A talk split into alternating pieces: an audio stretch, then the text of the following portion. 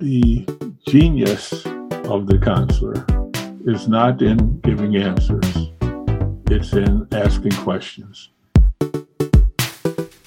Hi there, and welcome to Vägledningspodden that is produced by Stockholms University and the Department of Education, there I work. And my name is Aino Kolmar. And my name is Annika Davén. And today we're doing this in English. We're, for the first time, being the guidance counseling podcast um, because we have a very special guest. Yeah. Professor Mark L. Savickas has uh, joined us to talk about his um, Five questions and how he came up with this uh, because when he was younger he he thought it was important to develop these five questions to find the right path in the narrative for clients. So, so so to help them in that way to to create their own biography. Yeah, because the narrative is really important for Professor Mark Savickas. And um, he is one of the big, he's, I, I would say he's one of the people within the guidance counseling field who introduces like a postmodern way of thinking Yeah. and to deconstruct the conversation and to deconstruct the story and then rebuild it as something new. yeah and co-constructing Mm. Yeah. So as you listen to the episode today, you'll hear him referencing a lot of uh, significant people within the career counseling field, such as Super or Holland and and other people. And and if this makes you nervous, don't be afraid. Uh, our next episode that we will be releasing in December, we're actually doing a crash course in career counseling theories. Uh, this will be in Swedish, but uh, if you just wait another month, then uh, then you'll learn some more what what Mr. Savickas is uh, referencing to. yeah Also, he has sent us a few articles and some material if you want to uh, read more about lifespan um, theory and and articles that he has written. And so, in the show notes, this we there is a link to a Google Drive folder where you can find some more information, and that's free for you guys. He really wanted to share it with all of you listeners. he wants to be useful He wanted to be useful. and that we want that too so have a happy listening now And if you have any questions or ideas for, I mean, we have Mr. Savickas here, so um, anything is possible. So if you have any requests for who you would like to uh, partake in our podcast, just send us an email or tell us what you like or what you don't like. We love hearing from you. You can email us at bagledningspodden, B A G L E D N I N G S P O D D E N at gmail.com. Wow. Enjoy. Hi, Mark, and welcome to the Guidance Counseling Podcast. Well, Vägledningspodden in Swedish. well, thank you for letting me join you today. And it's my uh, privilege to talk with our, our colleagues, which I always enjoy. I've been fortunate in my uh, training to have as my uh, sponsors Donald Super and John Holland. They co directed my dissertation, and I'm sitting in my library, which uh, I inherited from uh, Professor Super, which he inherited from his mentor Kitson. So it's a it's a wonderful collection of books from all over the world. So today I want to talk about, if if you so desire, career construction counseling. Mm-hmm. And I'd like to to start. I know it sounds a little bit academic, but I do like to place it in historical context. Around 19, not around, in 1908, around the world, there was a movement called child saving, helping the children who've been moved to the cities and were lost and needed guidance. And in the United States, uh, Parsons and um, in Scotland, Ogive, and somebody in Germany simultaneously invented vocational guidance. And it's based on logical positivism. And the ideal is to match the person to some position, to guide them to a place where they can do satisfactory work and find satisfaction. And it held sway as the dominant counseling theory, although it was not called counseling then, vocational guidance, till mid century when Donald Super added a developmental perspective and started using the word career and based not on positivism but on humanism developed what we call career education and coaching mm. and rather than guidance and advising it was coaching people about the tasks they had to accomplish during their life so it became a second perspective then starting in 1978 with the world oil crisis we came to social constructionism and to this new view of career constructing based on uh, that epistemology. And it adds to a third paradigm. So it doesn't replace the first two, it takes its place next to them. Mm-hmm. And so there's three perspectives matching, managing, and meaning. And it's the practitioner's responsibility to choose the one that the client uh, would benefit from. Mm-hmm. So all are useful for their intended purpose. A mm-hmm. tremendous difference between them is in vocational guidance, academic advising, and career coaching. The practitioner is the expert. The practitioner has the information, uses testing and interpretation to guide the person. In career construction, the client is the expert. We are the audience, and our job is to co construct with mm-hmm. them answers to their questions. So we focus not on scores, mm-hmm. but on stories. And the practical difference to me, it may sound trivial, but uh, when you're doing guidance, you start by saying, How can I help you? Mm-hmm. You came to me for help. I have some expertise and I will provide that. In career construction, the opening question is How can I be useful? Mm-hmm. How can you use our relationship to become more complete and more whole? You are the expert. I am expert in process you are the expert in your own life story, and my job is to lead from behind. So, Mark, although you are sitting in Super's corner, yes, very how, how did career constructionism become so important to you? I was very close with Dr. Super, and I carried on his legacy as he carried on Kitson's. And his aspiration was to come up with a unified theory. He called his theory segmental. Mm-hmm. He had segments, he had three segments of it self concept and differential.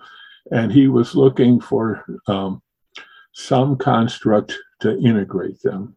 And he worked and worked and didn't really come to that. And so, with social constructionism, it opened the door for an integrative uh, view for uh, not learning but self-construction hmm. and so i was able then to carry on his work stand on his shoulders change his career maturity inventory hmm. which based on an organismic unfolding like erik erikson hmm. to career adaptability hmm. which is a contextual uh, relationship but he was the first to talk about career adaptability mm-hmm. early on. And, and so uh, my ambition was to carry forward his, his work, and I hope he'd like it. yeah. I, am I'm, I'm sure he would, because yeah. you are also, like you said earlier, it's not about replacing how we talk about career or how we have our conversations about career. It's about having parallel processes at the same time we can both um, we, we can help but we can also help the the person that we interview or the person that we are um, counseling to be the owner of their own life at the Yeah. same time. Yeah, but, yeah, I don't like the word help so much. I, we, we create a space where they help themselves, Exactly. where they listen to themselves. And, uh, you know, the, the goal of the dialogue, and you talk about parallel process. And I have this notion that I've learned from others that there's three positions in the room. There's the client, there's me, and there's the story we're con- co-constructing. Yeah. And it's that third, that third person in the room Mm. that is is doing the work. And with a different practitioner, the story might be slightly different. and I, I'm I have like a mantra when I'm when I'm talking to to people in a professional conversation that's like how can I be how how what do you need me to help you with is Yeah, that's the same. Yeah, Mm. yeah, yeah, what the what- what- yeah. What what do you need that our relationship can accomplish? Yeah. Mm. Mhm. Yes, it's it's it's a different perspective in guidance and academic advising for university advisors. You know, a student says, "I I don't know what course to take, or I don't know what major." You you have expertise and you know what's available. Like I once I was at a university and a young woman said she wanted a major in nursing. I said, "We don't have nursing majors here. You know, here's some colleges that do." Mm. That's valuable, very, very, very valuable. Mm. valuable information for her Yeah, yeah, and and expertise I can uh, share. I I find that some of the very best um, advisors are Holland conventional codes because they have organization and information and classifications, and they can be very helpful. Mhm. So I I have developed two different things, and we're not talking about one. One is career construction theory, which is a theory in applied psychology, discipline of vocational psychology. But today we're talking about the practice of career construction. And I believe firmly that what I work on is theorizing practice. Mm. Practice always comes first. Practice is always ahead of theory. The practitioner must respond to the new challenges and crises that appear and can't wait for some uh, guiding model. So in my uh, practice, I've over I've been at it 49 years, and I've I've learned what works for me. Hmm. And for for years I could do it well, but I couldn't teach it to others. It was like an implicit knowledge. So I spent a decade working on how to teach others okay to do it. Because one of my great frustrations as a young practitioner was I was a great admirer of Alfred Adler and George Kelly, and neither left behind a how to do it. Yeah. Mm. They had beautiful ideas, but I couldn't learn. I couldn't learn how to do it. So, so I I started um, to develop story crafting questions. You know, what questions could I ask a person to consider that would help them craft their own story, Hmm. their own biography, Hmm. and uh, the the genius of the counselor is not in giving answers it's in asking questions Yeah.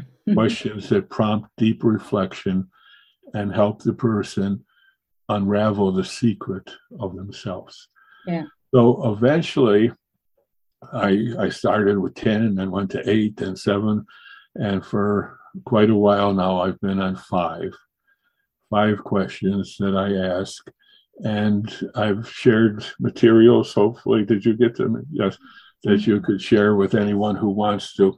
It's a how to do it manual, and it's um, all the materials you need, and it um, organizes common sense. So I start by saying, "How can I be useful?" That's not one of the questions, and I write that down, and that becomes the picture frame around the portrait that we're drawing.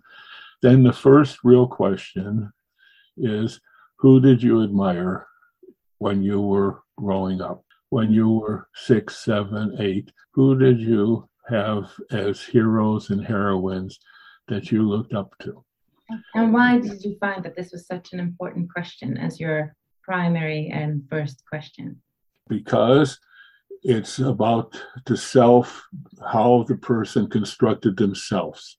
Mm. It's about self building, self making, self construction. There is nothing in the person that wasn't first in society. Mm. And this is different from super and developmental. Developmental, Carl Rogers, super believed that there were essential traits, there was an essence in the person. And the practitioner's job was to bring that out, right. to develop it, to to disclose it, to reveal it. This is a epistemological difference. We believe there's nothing in you that wasn't first, mm. your family and your society. And you made you by looking for people in society and family and neighborhood who solve the problems you face. In your family, growing up, no matter how great it was, you had an issue.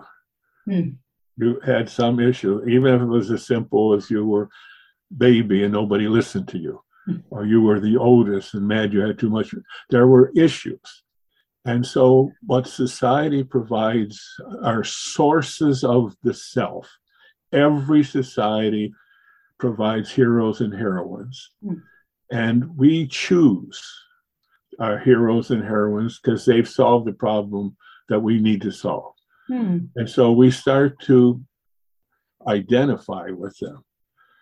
The parents we incorporate, we don't choose them, but we identify. Parents are our influence us, but our our first career choice is who we admire, who we hmm. want to become like. And and so that's why it's so crucial to me. I want to know you. And if I say, What's your self concept? Mm, yeah. we'll get nothing. Yeah, yeah. So so I listen, I write down, I say, now describe that person as you saw them then. And I get three people. Mm-hmm. And so I listen for repeated words, I listen for the first word, I circle words, and I see this is who's sitting in front of me. Mm-hmm. I can come up with two heroes and then a heroine. Her, heroine. Heroine. Heroine. Mm-hmm. who, who is Heron? I don't know Heron. Describe her. heroine. No, but uh, I think of my father and and Cinderella. All right. Now, mm-hmm. now the reason I don't want to hear about father and mother yeah. is is is we didn't choose them. They chose us, and and we just swallow them whole, and yeah. they are immortal. Yeah, they are in us forever. You can close your eyes and talk to them. Mm. And so I I want to hear about outside the family. Mm. Yes, and it could be a cousin, a neighbor, a teacher, somebody in a movie, but uh, uh, Cinderella. Uh, Cinderella is the most famous character in fairy tales. There's over 1,100 versions. Mm. And the reason she's so famous is her story encapsulates Erikson's five stages of development. Starts as the Cinder Girl, the Ashen Girl, mm. trust versus mistrust. And as you hear the story, she goes through every stage. And the last stage is identity. Mm. And she'll only accept the prince if he recognizes her for who she truly is and identified herself. So, so with someone says Cinderella, I want to hear because I want to listen. What part of Cinderella? You know, mm which you know, which is this? You know, which part? Which is that? And we can't assume. We always ask. mm But I won't put you on the spot and ask because. and I I tell my students, do not ask family and friends because they don't realize how personal this is. Hmm, yeah. This is deeply personal, and they mm they don't. It seems like a simple question, mm. but it is very profound because it, it even tells me the problems you've had as a child. Mm-hmm. So, for example, if you love Cinderella because she was brave, it tells me as a child you were fearful. You you were very frightened, and so you needed a solution of bravery. Mm-hmm. So so the obverse uh, Mm. It, it shows you a path to mastery. But you might not say brave. You might say pretty. You might say, I like their name. I mean, we don't know. Mm. That's why each story is unique. Now, let me give a concrete example of this. In where I live in Cleveland, Ohio, in the 1930s, there were two uh, young teenage boys who were sons of immigrants from Lithuania. And one's father ran a grocery store, was robbed and killed, and the boy was in crisis. And him and his friend wanted to create a hero, somebody they actually want to create, and they created Superman. And what they did was they took Tarzan's hair, Buck Rogers' outfit, a weightlifter's boots, put them together, and that's Superman. If you Google those three, mash them together, you have Superman. Hmm. And that's what each of us does. I ask for your three heroes, I get the adjectives, they start to repeat. And Erikson's identity crisis in late adolescence is when you take your childhood fragments and unify them Mm. into a coherent, continuous story of you. And many clients in career are at just that point. They're they're coming up with the integration of who they truly are apart from Mm. their family. And so it uh, Erikson wrote that the tangible proof that you have an identity is a firm career choice. Mhm. So now, so now we have, now we have who's sitting in front of me? Heron or Cinderella. There's a Cinderella in front of me. Now, Before you go, because I Yeah. know the students will will ask us this, and they will go, "Well, what do they? What do you say if they can't come up with anything? What What do you say when they say, I don't know, I don't have a hero, okay. I didn't have a hero?" Well, number one, I know they had a hero or they wouldn't be where they are. I agree. They, they'd be in a drug abuse clinic, they'd be homeless, they'd be, because that means they haven't solved themselves. Mm. They, they haven't found a, a path through life and they're, they are, what, what do they call? Not in employment, education or training, NEET. Have you heard NEET. that? Yeah, Mhm. they, they're NEET. So I know they have one. In a live class, at least half the people raise their hand. I don't have one. I can't remember one. And that does not happen to me in practice because the story, the autobiography we're talking about, is activated in times of transition. In times of stability, we don't even think about it. So, so when they come to me, it's there. So on break, I tell them go home and call, or go in the hall, call their mother, and her mother will remind them. Mm. Or, or I was once in Australia, and the w- woman in the front row said, "This is baloney. You don't understand our culture. And our culture, the tall poppy gets cut off. We don't have heroes. We don't have role models. So every half hour, I check in with her. No, you don't know. We don't do that here. We don't have that. So we get up for lunch. She grabs her purse. I look at her purse. I said, "What is that?" On her purse is a picture of Audrey Hepburn, her hero. Now, it's a serious question. If truly, truly they don't have, after you've asked it a couple of different ways, Mm. I become worried about sexual abuse as a child, incest in the family, great, great problems. So they they can't go back. They don't want to think back. They and it's uh, it's not a career counseling case okay. But that's one in two or three in a hundred. I mean, Hmm. it can happen, and it's very serious if it's true. If I can't get a role model uh, very quickly, which I always can, I just go to the second question because the whole is in every piece. Mm. The whole is in every piece, and I usually know where we're going to end up by the response to how can I be useful. Mhm. I have a good idea of what's going to be the end, but it doesn't matter what I know. I'm not the expert, I'm not the authority. What I'm asking them is to tell me a story so they hear themselves and they learn themselves. It's not that I know, it's that they know, that they recognize. It's called the unthought knowing. Yeah. Yeah. They know, but we're helping them uh, develop. And my my expectation is they will only tell me the stories that they themselves need to hear. Right. The memory is not a library; Mm. it's a remembering Mm. for present purposes. It's always present. It's not an old thing. It's present. It's alive. It's real in our dialogue. So if these are the stories they themselves need to hear, Mm. This is my fundamental rationale. For one thing, then there's no right or wrong answer. Like, because I think I feel sometimes when you speak to people, they're scared that they can't be. Is it okay to have Cinderella as your hero or whatever? but also, um, I think s- uh, some students talk to me sometimes about how they're scared to be too personal in a setting when they have when they talk to clients, and with your line of reasoning, then you can't be too personal because the stories arise that need to be arisen somehow, and then and then when they're not useful to them anymore, then they won't come up, kind of.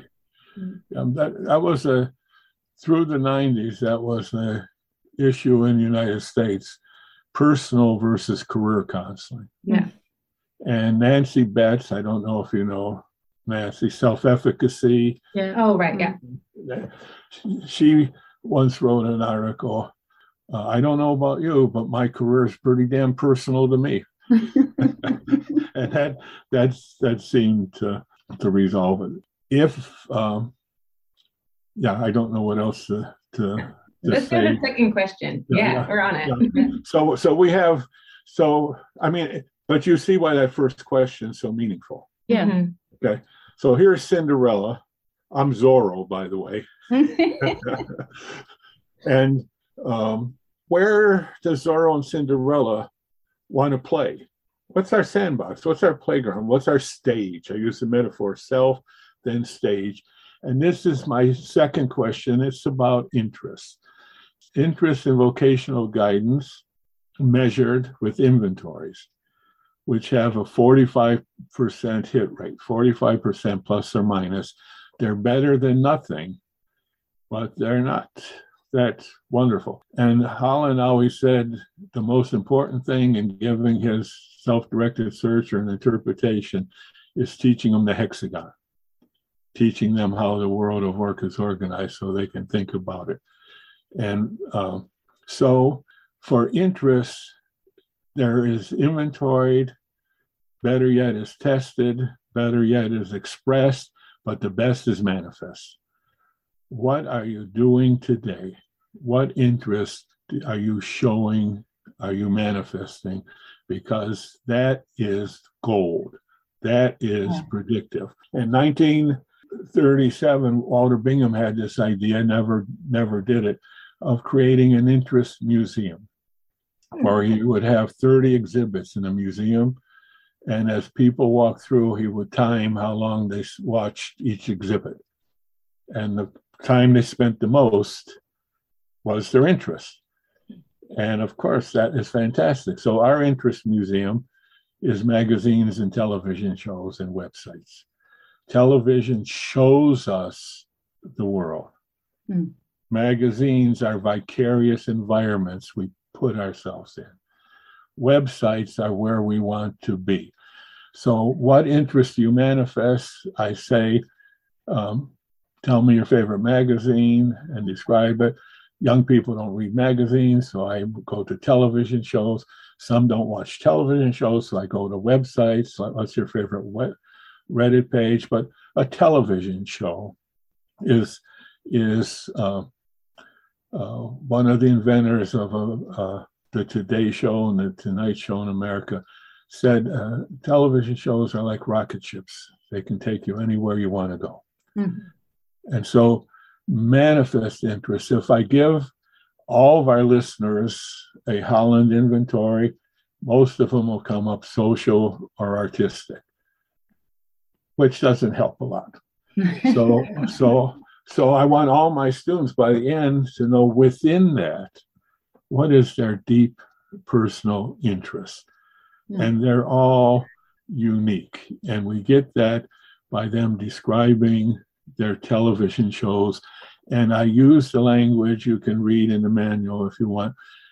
Um, tell me about the show. What attracts you to it? What do you like about it? What do you find interesting about it? Why do you prefer it? And as they explain, you hear their unique manifest interests that have to find an outlet in the world of work and leisure. And then, and, you, and, and then you can connect it to the hero, the playground of the hero. The you have to. You have to. Yeah. Yeah. That's how the story is emerging. yes. And you can, if you want, if you want for some reason, you can take you can take the uh, manifest interest and put them in the Holland Code, mm, okay.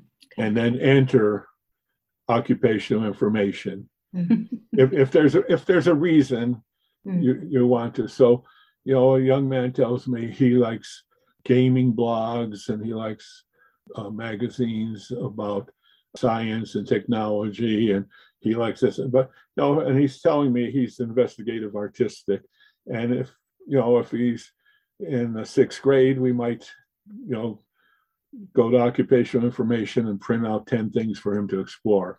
But you know since he's a graduating senior we know we know what what he wants to do. Mm-hmm. and so it it's the best way of getting interest. Then the third question. Mm. we have the social actor from the role model. We now have from the second the motivated agent. What motivates what moves what interests what values what goals. Now we want to know the actual author mm-hmm. the autobiographical author so the third question is script what's the script of the next chapter in your story how are you plotting it mm-hmm. and they tell me uh, they responded to what is your favorite story right now, right now, from a book or a movie? What and it could be a comic book, it could be a rock opera, and it's the right now is the flexibility. As we move to new chapters of our life, we need new stories. We find new stories. Fidelity, stability is in a role model our, our self is fixed unless there's a huge crisis. Mm. Our flexibility is in our story. And so it took me a long time to learn this, but the story they tell, and then, you know, they give me the name and I say, tell me, tell me the story. Mm. That is actually what they're going to do next, what they want to do next they don't quite realize it yet. That again, that unthought knowing. And it's it's at first it was shocking to me that okay, that worked a couple of times, but that can't always be. Well, it seems to be. So we know the stage. Then on that stage, that social stage, as a mm-hmm. counselor, what's your script? Hmm. Is it with elder abuse, child abuse? Is it with drug addiction? Is it with career choice? Is it with women's issues? What is the script? What mm-hmm. is the story that you're plotting for the next chapter? Mm-hmm. So this young man tells me Dune. Dune's very popular now because a movie's coming mm-hmm. out, okay. or maybe it's already out. And he tells the story of how how this young man has to defy the monarchy and go off and uh, find himself establish establish himself and he goes off and he joins the Fremen and he, then he does this and this, and then he comes back. Well, guess who who is the monarchy? Mm. Mom and dad. Mm. And who's the freeman? Mm. Him. And he has to go off. And he had, you know, and so, I mean, the, the stories are so revealing. And if it doesn't make sense to you, something is really wrong hmm. because you've got the script. I mean, you've got the the actor, the character, you got the stage, and this this script now should make total sense. I mean, it just makes total sense. I had one of my proteges do a live demonstration, and the person had had driven was an Uber driver who had brought him to the conference, and uh, she volunteered. And he asked, you know, what's your favorite? Start from a book on, well, well, my favorite book is the sociology book about juvenile delinquents in the inner inner city. Mm-hmm. And he says, no, no, no, I want to, you know, he wanted something else. He wanted a story. Wanted a story. Yeah. well, guess what she's studying? Yeah. I mean, it's, yeah. It's, it can be right in front of you. And if you miss it, it may be there's something in your story that's blocking. But, mm-hmm. but uh, I have so, I have a question about yes. this. Sometimes I guess you have heard the people are saying the same film or the same story in in the like now it's many is talking about this uh, Korean Squid Game. Squid Game. a Korean yeah. TV series that yeah, I, I, read, I, read, that it's popular, but mm. this is why it's so important it, for all all my questions. It's not the answer. Mm. It's not Squid Game. It's mm. tell me the story. Mm. And if I tell you the story of, uh, like, I think I know Cinderella, you may think you know Zorro, mm. you don't know me. No, right. And you listen to what I tell. And so it can be the same story, but the story is different depending on. Absolutely. Yeah, I understand. It's, it's how it's in in reading mm. education. It's called reader response. Yeah how how a viewer response what are they responding to what are they resonating with what are they echo mm-hmm. echoing like you know, I'm thinking like Cinderella has so many different levels. Yeah, is it like yeah. I always keep losing my stuff and it still goes really well? Or is it I find a great man in the end? Or is it that I transform into this beautiful person? That now well, I had a wicked stepmother. Exactly. Yeah for me it was that was that was the interesting thing the the family and all the troubles in the family so yeah yes yeah. yes no, so you like counseling families yeah. I don't counseling families, but I'm interested in in persons and their lives. And their, Are you interested in persons having trouble with their families? Yeah, yeah. Mm. And little Cinderellas. Mm, little Cinderellas. no, you want to make them Cinderellas by the time they're done. Yeah. so you're the fairy goal. godmother? Or? I'm the fairy godmother, yes. yeah, that's your role. Yeah. Fairy godmother. But anyway, Zorro could be, you know, the trouble with his father. It could be his double identity. It could be his hating authority. It can, yeah. I mean, so you've got to get their story crafting. You've got, right. you've got to get, and any, any one piece is okay, but you know, when you put them together, mm. you know, we don't have Cinderella on her stage and we don't have her script. And, you mm. know, so we need to put them together, but we know to start listening for certain things. Yeah. and, and that's something, let me add one of my favorite sayings from Eudora Welty, an American author and literary critic. And the first computer language was named after her, Eudora. Said there's there's two kinds of listening. There's listening to a story, which we do every day, which we do in a coffee shop. And there's listening for a story. Which is what practitioners do. Mm-hmm. So I'm listening for the story and what's mm-hmm. going on. So moving along, so we can get the fourth question is what's your favorite saying right now? And the favorite saying is autotherapy. It's it's what you as your own therapist know that you need to do. People come to counselors, practitioners for advice, and we want them to get advice. But the only expert in the room is them. Mm. And so it, it may it may not sound reasonable to you yet, but you know, these things come from trial and error. For for years, I get the favorite saying mm. and get the Holland code to it. Like there's a sucker born every minute. Oh, that's enterprising. or that which flows from the heart alone bring other heart. Oh, that's artistic. And then I realized, no, it took me a while. It, this took years to figure out. So they advise themselves. Mm-hmm. And so the last thing I say to them as they leave the room, as they walk out the door, is they um, is that favorite saying.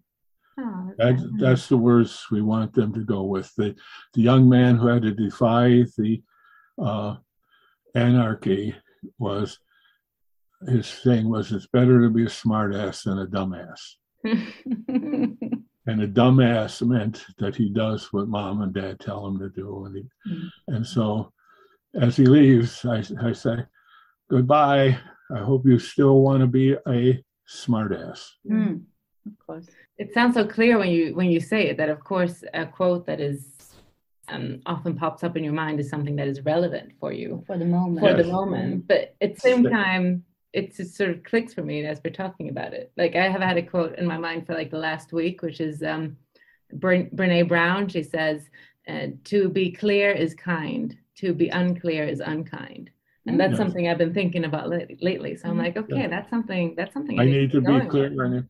Another of her sayings that somebody liked is choose courage. Yeah, exactly. Choose so, courage. so if the person says choose courage, what do you think? Mm. what, yeah.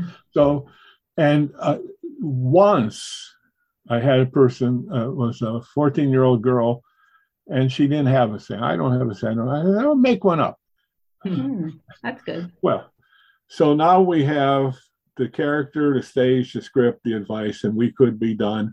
And some of my colleagues say, don't ask uh, my last question. And I don't care if you do. I do. It's what's your earliest recollection? And remember, I had always loved Adler, but Adlerians use them to make psychodynamic diagnosis and stuff. Uh, I learned from a from a prominent person, you can ask specific, like if you're a doctor or physician, what's your first memory of being sick? Right. And as they tell it, so after all these vocational things, it what pops up into mind is that perceptive schema. It activates some memory that you need right now, something that this relates to.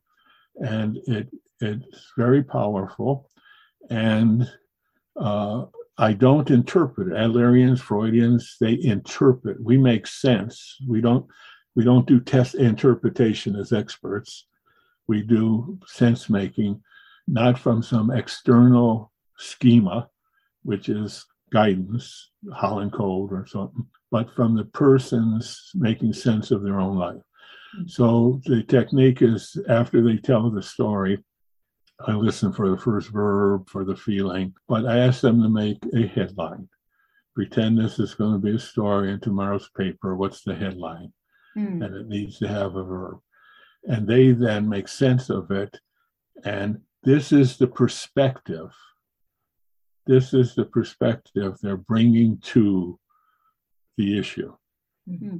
And I always ask it last because it's the most personal. And that's why I say you don't have to ask it. When I go back to talk for the second meeting or second half, I always start with the perspective. Based, you know, based on this perspective. For example, the boy we've been talking about, young man, college senior, better be a smart ass. Earliest recollection was uh, he was in Japan playing with neighbor girls and he would put on a mask and scare them and chase them around the room and they'd be afraid of him and then when they were done he'd take off his mask and they would be friends and have a cookie mm. boy gets reward when he takes off his mask mm-hmm. boy gets reward when he becomes a free man you don't have to have it but but this is what's in the back mm of his head. And, you know, he's been wearing a mask mm-hmm. and now it's time to take the mask off. Mm-hmm. Or maybe are some of our listeners college counselors? Yeah, I guess so. So this young woman, college, her first memory that she reports is that she uh, was very smart, had very advanced vocabulary, and her and her parents were in a museum and she saw a, a statue of David, Michelangelo's David, and she pointed and said, Where's his labium? Mm-hmm. And his father said, Shut up. Mm. Now, what's the story? What's the perspective? What's, uh, what's the headline for this story? No, you you don't need a headline. Just tell me what what's her perspective. I know what what's her perspective.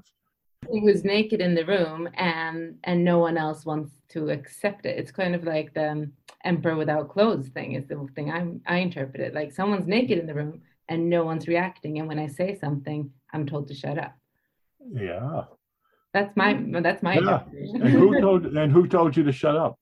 Uh, the father did. A man. A man. A man A did. man tells bright women who recognize sexuality and sexual things and things in the world, what is she told to do? Yeah, to be quiet. Shut up. Notice it. Yeah. Yeah. You got it? Yeah. Yeah. Yeah. And then you put that together with Mm, exactly. Cinderella, Zorro, baboom, baboom. So the role model will always be a solution Mm. to that perspective, to that problem.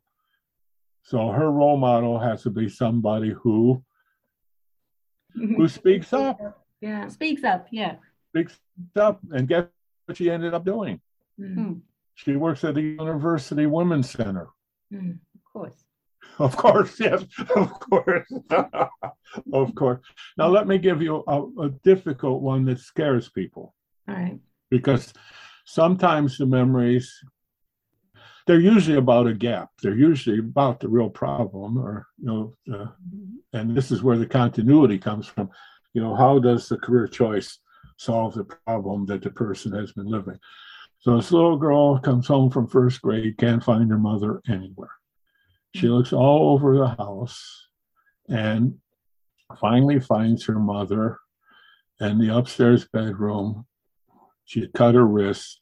She was bleeding and dying.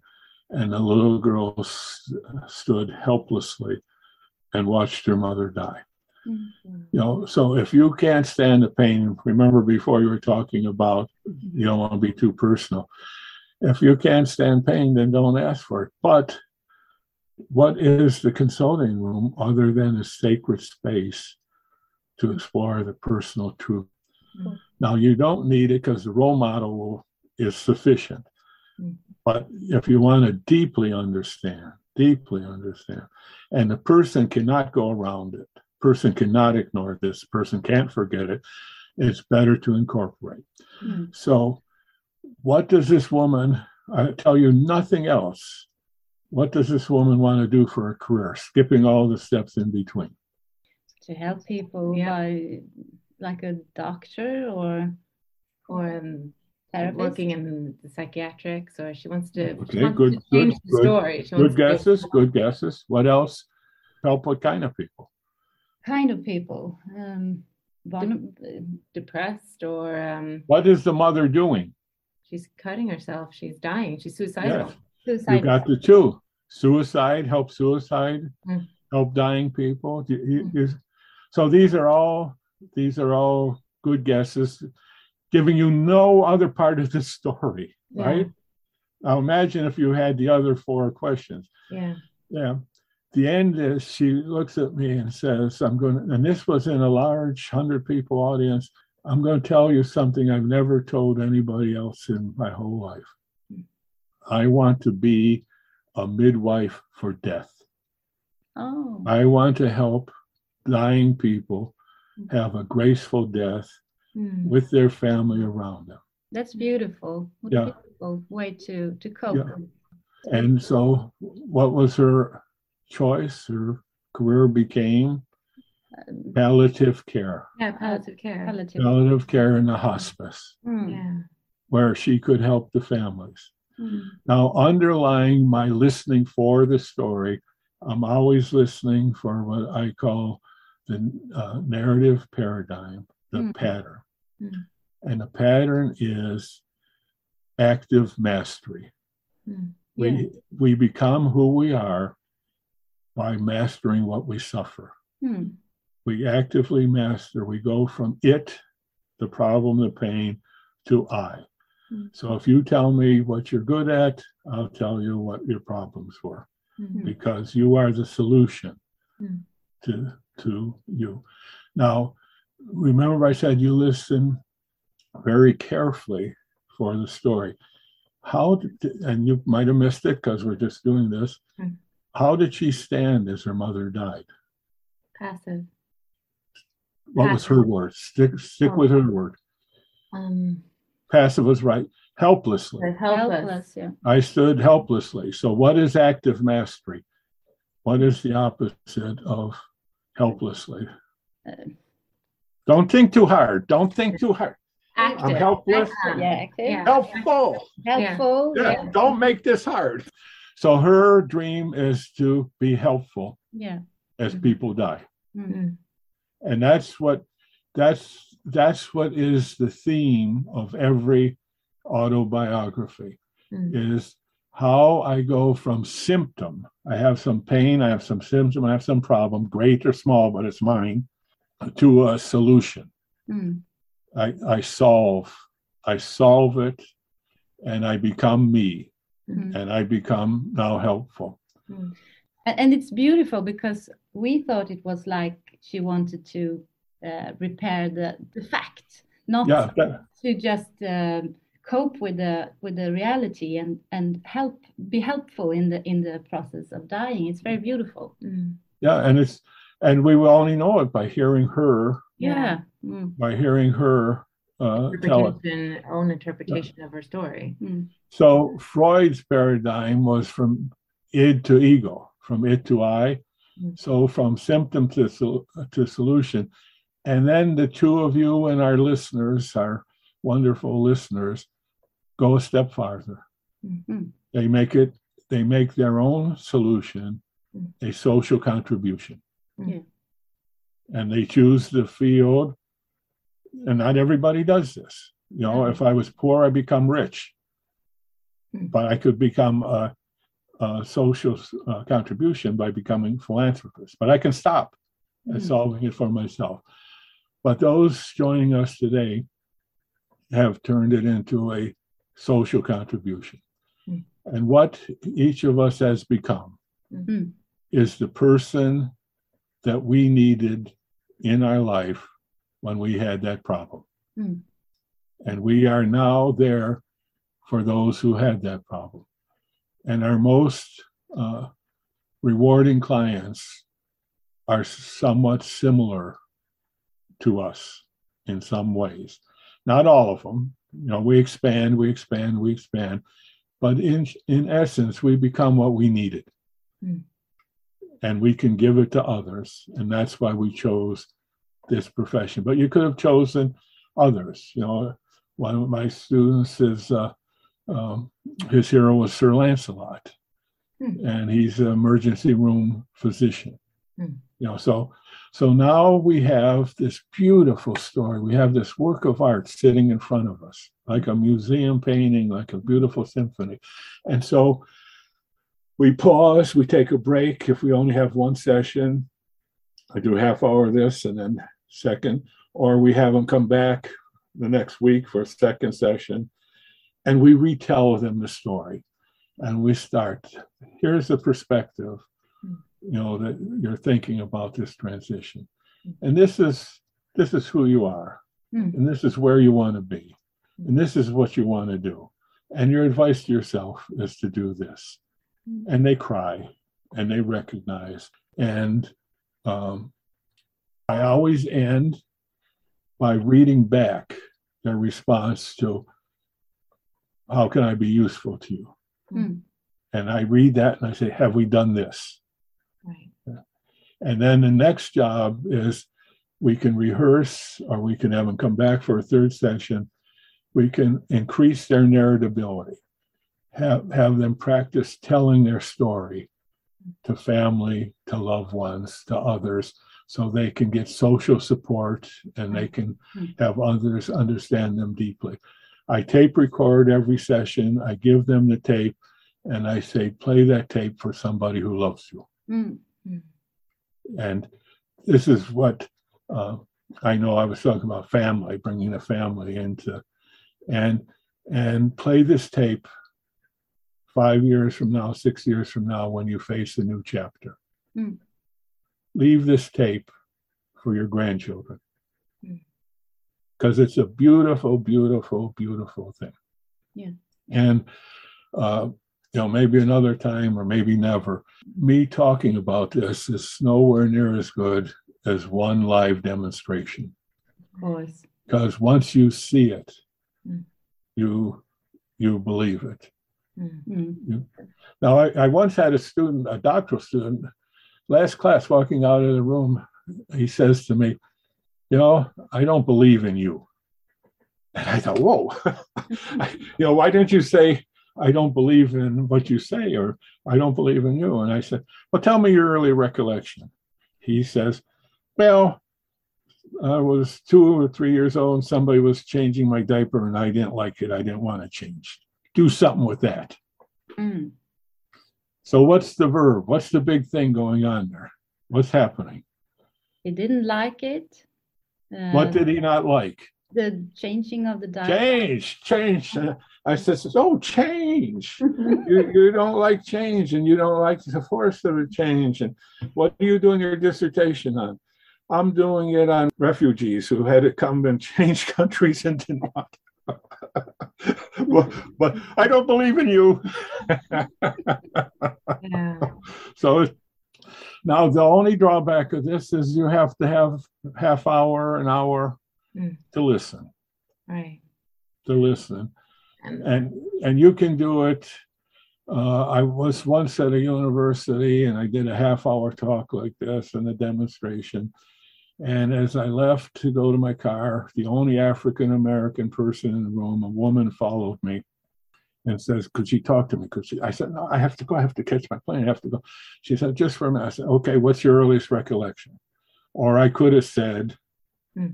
I could have said, What's your Hmm. role model? But, uh, and she said, uh, When I was young, my father promised me a piano and he never gave it to me. Oh. Mm. Mm. What What's the key word there? Promise. Promise. Mm. So I said to her, I'm no genius. I'm listening. Hmm. And I heard the word promise. And I said, uh, This week, who promised you something and didn't give it to you? She started to cry. Mm. She goes, My faculty. Hmm. I'm a first year doctoral student. They recruited me. They promised me all the support. They promised this, they promised that, and they haven't given it to me. When I got here, I found out that the accreditation agency said you need more diversity. So I became a token diversity. Hmm. They promised and didn't give me my piano. And so that's five, six minutes. So I said, okay, call me when I get home. And we quickly switched her to another university with African American mentor. So the whole is in every piece. Right. So now I don't want to keep putting you on the spot, but her dissertation was about what? What's the word? Um, Promises? promises. Promises. Mhm. Her dissertation was about ethical breaches of counselors, Right. how they broke confidentiality and broke promises. Mm. So everyone I talk to, every person is beautiful, unique, has a wonderful story. They all cry, but when they cry, I say, What are those tears saying? Because my biochemistry colleagues tell me there's 54 different kinds of tears Mm. that can be diagnosed differentially. Right. What's in the tear? Can be joy, sadness, can be all kinds of things. So don't be afraid to be personal. In fact, be afraid not to be personal. Yeah. So, so notice that the questions line up for the retelling. Mm. What I do is I read it back. Their words, Mm. their words. This is who you said you are. Boom, boom, boom, boom, boom. Mm. This is what you said you like. Boom, boom, boom, boom, boom. This is the plot. Boom, boom, boom, boom, boom. This is what you need to do next. Boom, boom, Mm. boom, boom. So it's not my job to interpret. My job is audience to restate it and to say to them, how do you see that? How do you make meaning of that? Mm. What do you do with that? How do you use that? How does that relate? And everything unfolds almost magically. Mm. And um, to this day, when I do the demonstrations, I feel it's like I can't believe it. Mm. So for years, I, I hope this doesn't sound prideful. For years, I would do these uh, demonstrations, and people would say, That's magic. That's wonderful. You're incredible.